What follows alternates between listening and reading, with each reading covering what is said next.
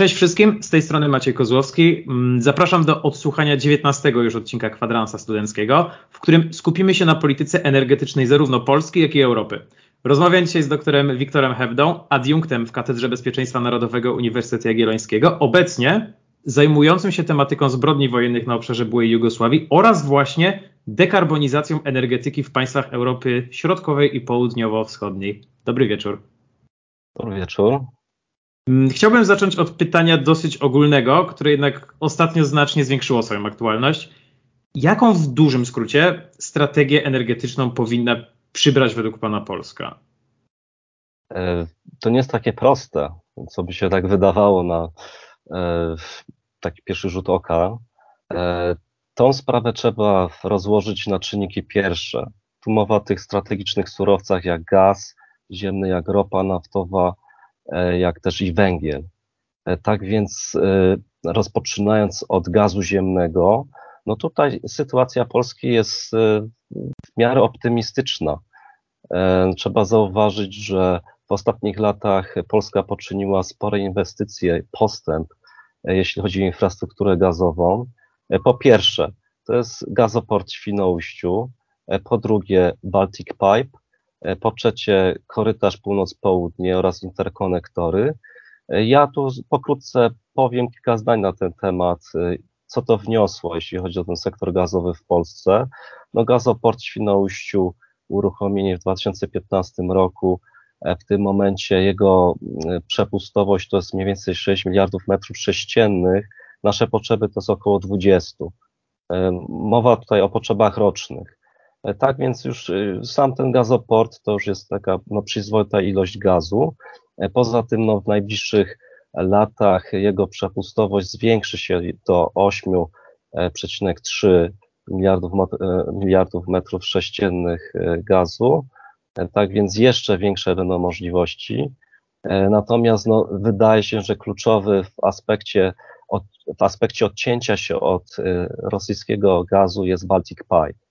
E, Baltic Pipe e, to jest gazociąg łączący e, norweskie zasoby gazu na szelfie norweskim dokładnie przez Danię i tutaj ta rura wchodzi nam na Pomorzu do Polski. Jeśli chodzi o kwestię realizacji, no to właściwie jest na ukończeniu. No wysoce prawdopodobne, że wystartuje Baltic Pipe jeszcze w tym roku, a mając na uwadze tą sytuację geopolityczną, e, to musi się stać. E, tak więc to będzie październik tego roku. E, a dlaczego to jest tak istotne? No bo sam Baltic Pipe to jest mniej więcej 10 miliardów metrów sześciennych gazu. My z Rosji w tym momencie dystrybuujemy około 6 do 8. Więc sam Baltic Pipe, jeżeli zostanie uruchomiony, jeżeli będzie w pełni operatywny, pozwoli Polsce zastąpić rosyjski gaz. Tak więc no, tutaj widzimy, że faktycznie to jest kluczowe. No poza, poza tym gazoportem, poza Baltic Pipe, jeszcze tutaj wspomniałem o korytarzu północ-południe, no to jest e, niezwykle istotne z punktu widzenia e, połączenia północ-południe właśnie między gazoportami w Polsce, na Litwie oraz e, gazoportem w Chorwacji. Taką siecią po prostu gazociągów E, która ciągnie się przez państwa Europy Środkowej. Mowa tutaj o Słowacji, również Czechach, e, o Węgrzech, o Chorwacji. E, tak więc będzie możliwość wpuszczenia gazu nie tylko tutaj od strony Polski, ale też od strony Chorwacji. I dzięki temu zmieni się ten tradycyjny kierunek ze wschodu na zachód na linii północ-południe i vice versa. Tak więc to jest tak w zarysie, jeśli chodzi o ten sektor gazowy w Polsce. E, I to, co nas różni od Niemiec, e, dlaczego Niemcy mają takie problemy, to to, że my e, wprowadziliśmy te zmiany już kilka lat temu, jeśli chodzi o dywersyfikację. Natomiast Niemcy no, prowadzą tą politykę gazową w oparciu głównie o surowiec rosyjski. No ale o tym może jeszcze później powiemy sobie coś, coś na ten temat, ale jeszcze tak pozostając przy Polsce, no to tak jak powiedziałem, Tutaj, jeśli chodzi o sektor gazowy, jest możliwość rezygnacji z rosyjskiego gazu jeszcze w tym roku. E, natomiast e, w przypadku ropy naftowej, e, no sytuacja też dość optymistycznie wygląda. pomimo to, że no ten import z Rosji to jest nawet 60-70%, jeśli chodzi o Polskę, ale trzeba zauważyć, że nasze tutaj zdolności tego naftoportu w Gdańsku są naprawdę wysokie. I jeżeli zaistnieje potrzeba sprowadzenia ropy z innych kierunków, E, czy to z Arabii Saudyjskiej, czy, czy też e, z państw afrykańskich, e, no to jak najbardziej tutaj można drogą morską po prostu sprowadzić tą ropę. Tak więc to nie jest tak, że my tutaj tą drogą lądową, ropociągiem właśnie z Rosji, no, w jakiś sposób się uzależniliśmy od, od, od tego surowca rosyjskiego. No tu się, znaczy, tu mamy te możliwości, że jeżeli będziemy chcieli narzucić embargo na rosyjską ropę, no to mamy taką możliwość właśnie poprzez e, ten naftoport w Gdańsku e, zabezpieczyć te swoje potrzeby ropą importowaną z, e, z innych kierunków. Więc tu podobnie jak w przypadku gazu ziemnego jest taka możliwość, tyle że ja tutaj nie mówię o kwestiach finansowych, tak, bo no jest to droższe rozwiązanie. Dlatego też do dnia dzisiejszego korzystamy z rosyjskich surowców, z tego względu, że po prostu jest to tańsze, tak, ale jeżeli mamy taką sytuację, jaką mamy e, i chcielibyśmy mm, to embargo narzucić tutaj na surowce rosyjskie, no to tak jak powiedziałem, gaz, e, ropa, e, w, tym, w tych sektorach możemy to zrobić. E, jeśli chodzi o węgiel, bo to jeszcze ten, ten trzeci surowiec, też dużo się na ten temat e, mówi, że E, Polska no, jest tutaj uzależniona od rosyjskiego węgla. Tak, to jest prawda, tyle że musimy to tak na dwa poziomy podzielić. Na, na tym pierwszym to jest węgiel, który jest potrzebny do elektrowni węglowych w Polsce oraz węgiel taki konsumpcyjny dla gospodarstw domowych, dla przedsiębiorstw. Jeśli chodzi o ten węgiel dla elektroenergetyki, to on jest w głównej mierze pozyskiwany w Polsce.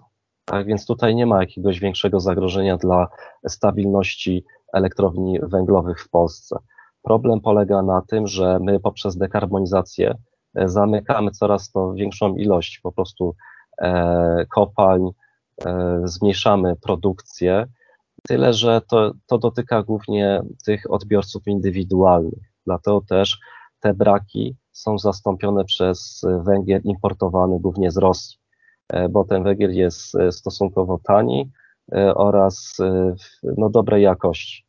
Dlatego też no, od no, mniej więcej 10 lat widzimy to uzależnianie się od rosyjskiego węgla. Ale tak jak powiedziałem, tu również mamy możliwości polegające na tym, że po prostu możemy ten węgiel sprowadzić z innych kierunków.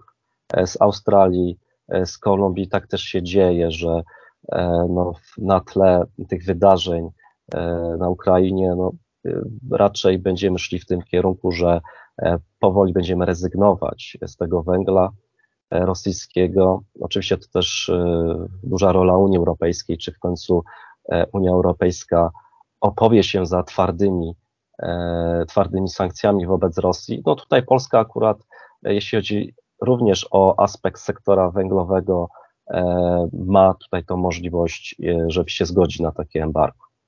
Tak więc podsumowując, e, no nasza sytuacja jest, jest dość optymistyczna, trzeba zaznaczyć, jeśli chodzi o, o, te, o stabilność energetyczną i te surowce z Rosji.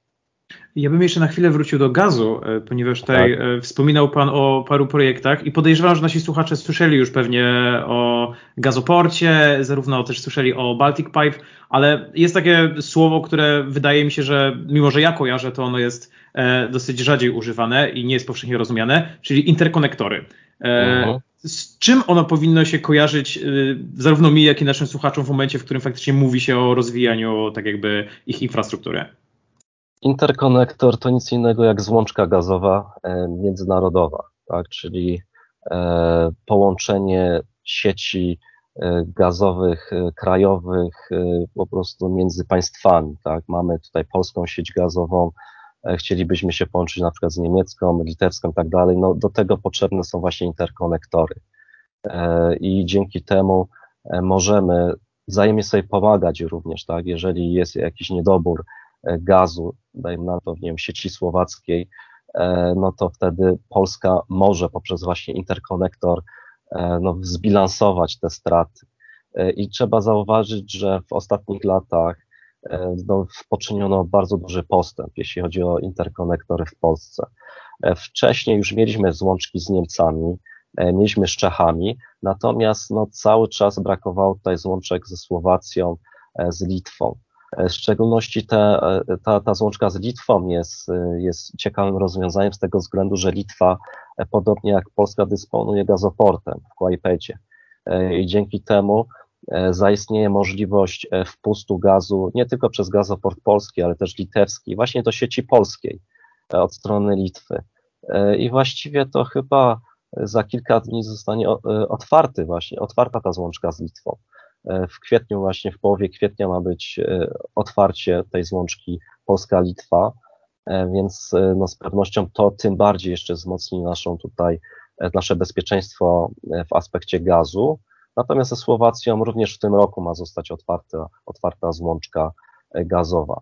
E, no co może, co może martwić, to e, przepustowość tych złączek, że no, niektóre są po prostu niewystarczające dla potrzeb. Tak? Jeżeli mamy na przykład taki kraj jak Słowacja, no, to z pewnością złączka na poziomie 1 miliarda metrów sześciennych jest niewystarczająca. Dlatego też E, no, w planie tutaj jest oddanie tej złączki o, o przepustowości, dajmy na to 5 miliardów, tak?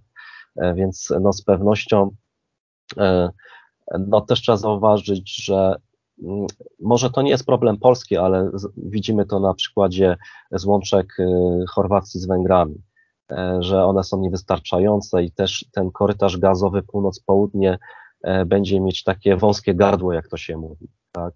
że w tym momencie E, w tym, w tym punkcie, właśnie na tej granicy, e, po prostu będzie potrzeba zwiększenia tej przepustowości. E, to tym bardziej, jeżeli będziemy chcieli zrezygnować z gazu rosyjskiego. No to, to chyba tyle, jeśli chodzi o te interkonektory, tak, tak mniej więcej.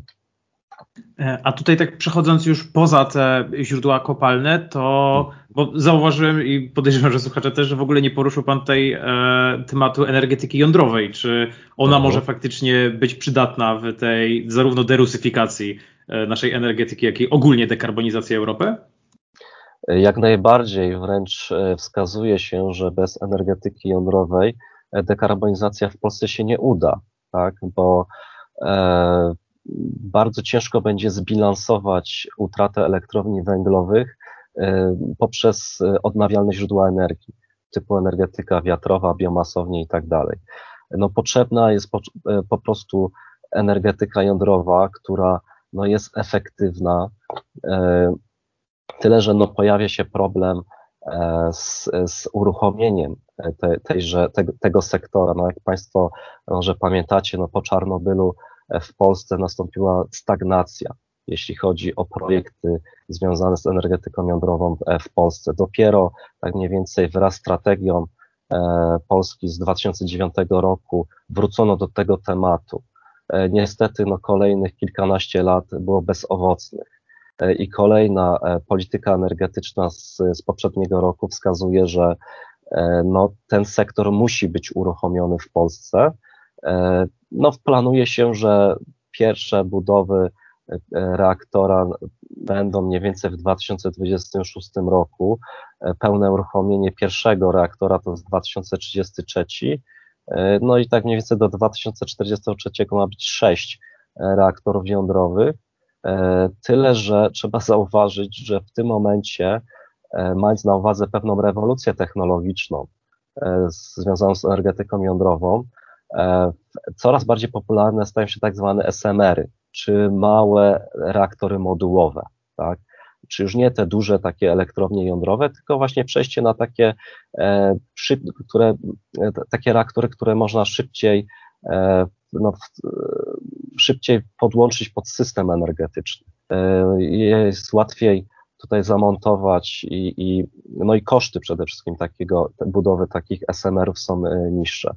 E, I jak się wskazuje, faktycznie już w tym momencie musimy zmodyfikować tą strategię z 2021 roku i prawdopodobnie będziemy budować SMR już pierwszy ma powstać w 2029 roku. Tak więc no jeszcze trochę musimy poczekać. Docelowo ma około 12 być takich SMR-ów.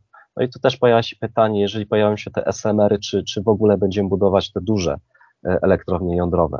Więc no ponownie mamy takie trochę zamieszanie, jeśli chodzi o tą energetykę jądrową w Polsce, no ale to niestety e, to też jest taka no, trochę e, zła historia, jeśli chodzi o tą energetykę jądrową w Polsce, bo faktycznie już od wielu dekad planuje się tutaj wiele zrobić, a jak wiemy, mamy rok 2022, E, wciąż to wszystko jest na zasadzie planu. Tak więc no, musimy tutaj obserwować, czy faktycznie pójdziemy w tym kierunku, a moim zdaniem e, musimy iść w tym kierunku. Jeszcze dobrze tutaj kojarzę, że SMR-y są głównie kierowane aktualnie przez inwestycje energetyczne Orlenu, prawda? E, w Polsce tak, oczywiście. Tak, tak. Ma, mamy tutaj pod, podpisaną już umowę z New Scale Power ze Stanów Zjednoczonych i tu właśnie to, to przedsiębiorstwo ma się zająć e, tym pierwszym małym reaktorem modułowym w Polsce. Więc no, już poczyniono pierwsze kroki. Dobrze, na koniec bym jeszcze zahaczył o Niemcy, ponieważ faktycznie już, mhm. E, już Pan o tym wspominał. Czy one faktycznie mogą uniezależnić się energetycznie od Kremla i no, podejrzewam, że odpowiedź będzie w pewnym miejscu twierdząca, więc jaka droga je tutaj tak naprawdę czeka? E, no trzeba zauważyć, że Niemcy popełniły E, kardynalny błąd. E, błąd sprzed właściwie już no, 20 lat. Tak precyzując, chodzi o kanclerza Schrödera, który no, podpisał w ostatnich tygodniach swojego urzędowania umowę z Gazpromem odnośnie budowy Nord Stream 1. Teraz to właśnie, niesławna persona. No tak, tak, tylko że w, jeśli chodzi o branżę, tu każdy wiedział, że E, ta decyzja e, spowoduje uzależnienie e, sektora gazowego niemieckiego od Rosji. No troszeczkę tak hura optymistycznie tutaj Niemcy podeszli do tego, że faktycznie nie będzie żadnych problemów z Rosją, jeśli chodzi o dystrybucję gazu. Tak też było przez kilkanaście lat. Też w późniejszym okresie sfinalizowano ostatecznie Nord Stream 2. Tak więc w tym momencie między Rosją a Niemcami przez Bałtyk mamy cztery, e, cztery nitki e, gazociągu, to jest 110 miliardów metrów sześciennych przepustowości, to naprawdę potężna, e, potężna ilość. Prawie cztery tak, polskie. Tak, tak. No, Niemcy mniej więcej konsumują około 100 miliardów metrów sześciennych, więc w zupełności ten rurociąg wystarcza dla potrzeby niemieckie, a planowane było to też w kierunku hubu E, który miał być stworzony w Niemczech i właśnie przy pomocy gazu rosyjskiego. E, tak więc no, tutaj jest poważny problem e, i to też troszeczkę uderza w, w prestiż państwa niemieckiego, bo chyba mało kto się spodziewał, że Niemcy pozwolą sobie na taką sytuację, że będą mieć wybór między moralnością a ekonomią, tak? Bo teraz tak, tak to mniej więcej wygląda. No z punktu widzenia moralnego oczywiście Niemcy by chcieli tutaj e, embarga na gaz czy ropę rosyjską, ale z punktu widzenia ekonomii w tym roku e, to by się wiązało z poważnymi e, problemami gospodarczymi, nawet z recesją.